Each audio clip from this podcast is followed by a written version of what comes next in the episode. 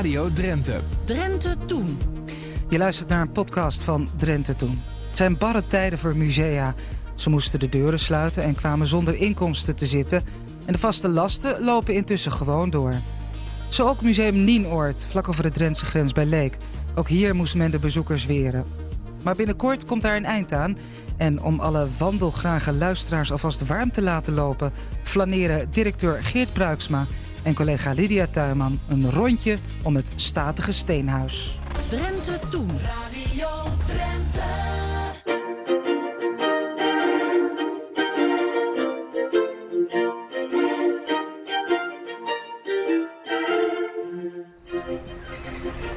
Het is uh, heel groen en heel erg stil, heel erg rustig op uh, landgoed Nienoord. Tegenover mij staat de directeur, Geert. Uh, breed uit te lachen, Geert Pruiksma. Maar het is eigenlijk geen, geen vrolijke tijd hè, voor jullie hier uh, op dat mooie landgoed.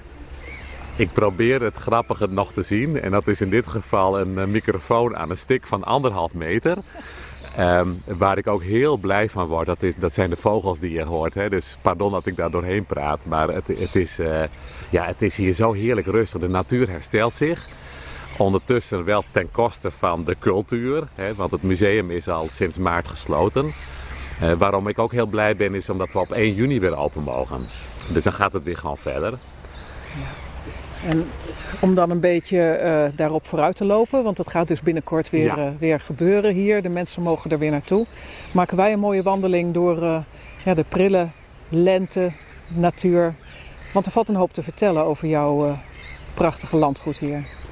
Ja, wat ik zelf naast alle beesten die je op de achtergrond hoort heel mooi vind, is dat je aan het 19e eeuwse landhuis wat hier staat, en die Noord oogt als een eind 19e eeuws landhuis, dat als je eromheen gaat lopen en wat beter kijkt, dat je overal details vindt waaraan je kunt zien dat het eigenlijk een, een veel ouder gebouw is.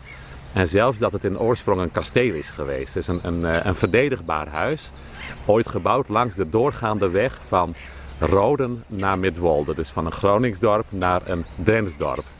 Roden, dat ligt hier nou bijna op loopafstand. Uh, ja. En we staan nu op de oude doorgaande weg van Midwolde naar Roden, dus richting Drenthe. We lopen richting Groningen dan.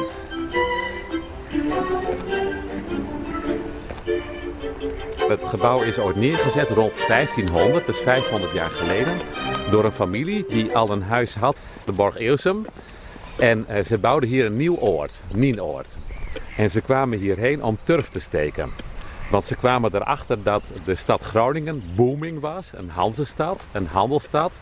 En een, een, een bloeiende beschaving heeft natuurlijk energie nodig. Dat halen we tegenwoordig uit Saoedi-Arabië en uit Rusland. Maar destijds haalden ze dat uit het Westerkwartier, turf. Dus ze kwamen hierheen om turf te steken. En ze hebben met allerlei boertjes in de omgeving contractjes gesloten dat ze turf gingen steken. Er moest een kanaaltje naar Groningen komen. Daar moest ook altijd water in staan, dus er kwam een verlaten in om te voorkomen dat het water wegstroomde. En daar moeten scheepjes doorheen, dus wordt er tol geheven. Kortom, na een paar generaties heeft de familie die hierheen getrokken is, de familie van Eelsum, die heeft overal aandelen zou je kunnen zeggen en is eigenaar van de hele infrastructuur.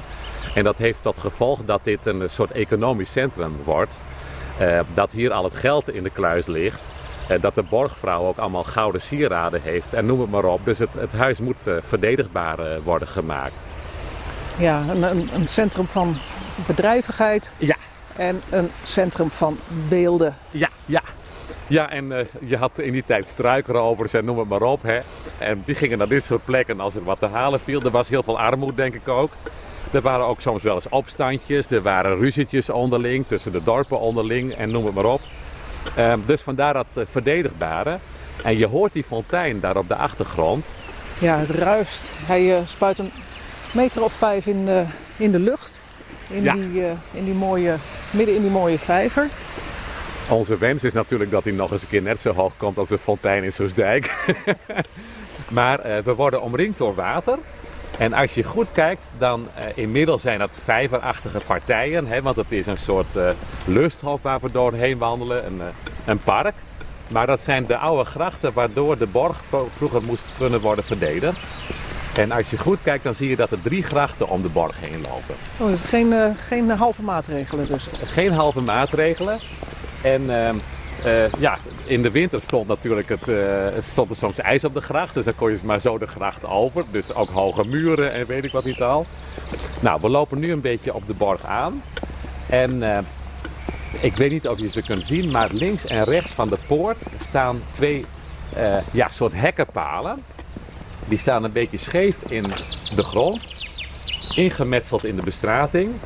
En dat zijn scheefstaande palen. Als je dat met een kart tegenaan reed of met een koets, dan gleed die koets weer naar het midden van de weg toe. Dankzij dat die palen scheef uh, lopen. En dan, dan, daarmee voorkwam je dat je met de wielen tegen de poort aanreed. Het is een hele, hele mooie poort, hè? Ja, ja. Eigenlijk uh, heel zeldzaam zoiets, want dat zie je wel eens in Frankrijk, dit soort mooie gehouwen stenen met, met leeuwen, rozen, woeste, uh, gespierde mannen. Ja, goden en godinnen, allemaal symbolische verwijzingen natuurlijk. Ja. Um, dat klopt, het, het doet wat, uh, wat Midden-Europees aan, barok. Uh, rond 1700 was hier een, een borgvrouw, Anne van Eeuwsum, getrouwd met een Oost-Friese baron van Inond Kniephausen. En Anna die wist exact op welk moment je wie waarvoor moest hebben. Dus in haar tijd is er gigantisch veel gebeurd. Ze heeft ook een buitengewoon uh, mooi grafmonument voor zichzelf en haar man laten houden. Dat staat in het kerkje verderop in Midwolde. En daar heeft ze Rombout Verhulst voor hierheen gehaald. En Rombout Verhulst, daarvan zeggen we nu van ja, dat, dat is de meest beroemde barokke beeldhouwer die Nederland überhaupt gekend heeft. Heeft ook bijvoorbeeld het grafmonument voor Michiel de Ruiter gehouden in de Nieuwe Kerk in Amsterdam. Maar hier in Midwolde vind je dus ook een groot beeldhouwwerk van hem. En deze poort is gehouden door een meneer Bieleveld. Maar waarschijnlijk ontworpen in samenspraak met de stadsbouwmeester van de stad Groningen in die tijd, Koenraad Roelers. En uh, ja, dat waren de grote mannen. En uh, was ook weer betrokken bij de modernisering van de Menkemaborg in Verhildesum. Dus, uh, dus dat waren de, de meest beroemde kunstenaars in die tijd. En de erepoort die staat er 300 jaar later nog altijd gelukkig.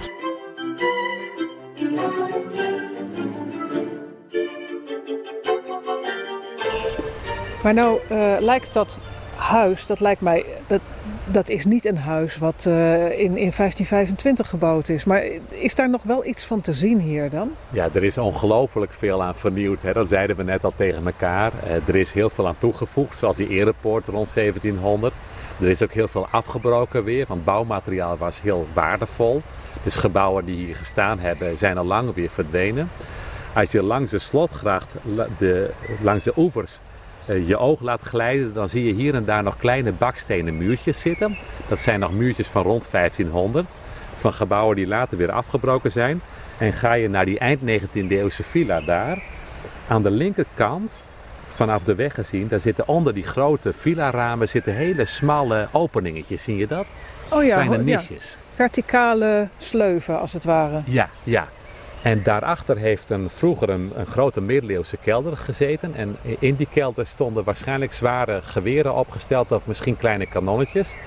En dat zijn de schietnissen geweest. En daar kon je dus doorheen schieten en zo kon je het steenhuis verdedigen. En als je googelt op oude afbeeldingen, we hebben een afbeelding van rond 1780, dan zie je die schietnissen nog gewoon ook in de oude borg zitten. Dus eigenlijk is het fundament van dat modernere huis het, het oude kasteel. Ja, ja. En ik weet ook wel vrij zeker dat er binnen nog wel oude kasteelmuren in zitten. Want kijk je naar de plattegrond, dan valt op dat sommige muren veel dikker zijn dan andere muren. En dat zijn nog gewoon oude kasteelmuren. Dus ik denk wel eens, eigenlijk zou je aan de binnenkant die stukken lagen er gewoon af moeten halen. En dan zul je zien dat er een hele mooie oude middeleeuwse bakstenen muur tevoorschijn komt. Wat, Wat zou dat prachtig zijn. Ja, ja, spannend. Ja. Ja, Dus er liggen nog allemaal schatten verborgen onder vloeren, achter eh, muren en noem het maar op. Heb je nou niet de neiging om stiekem eens even aan de gang te gaan met een bijteltje? Nou, ik durf dat gewoon niet.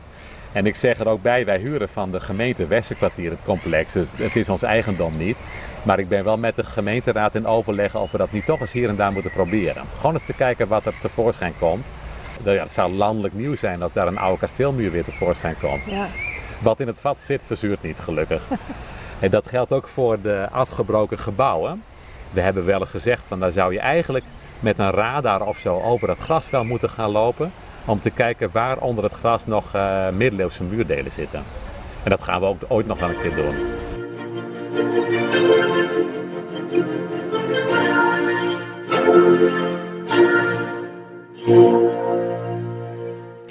Je luisterde naar een podcast van Drenthe Toen. Dankjewel. Laat eens een beoordeling achter. Vinden we leuk. Of luister ook eens naar onze andere podcasts van RTV Drenthe. Cassata of de Sportcast.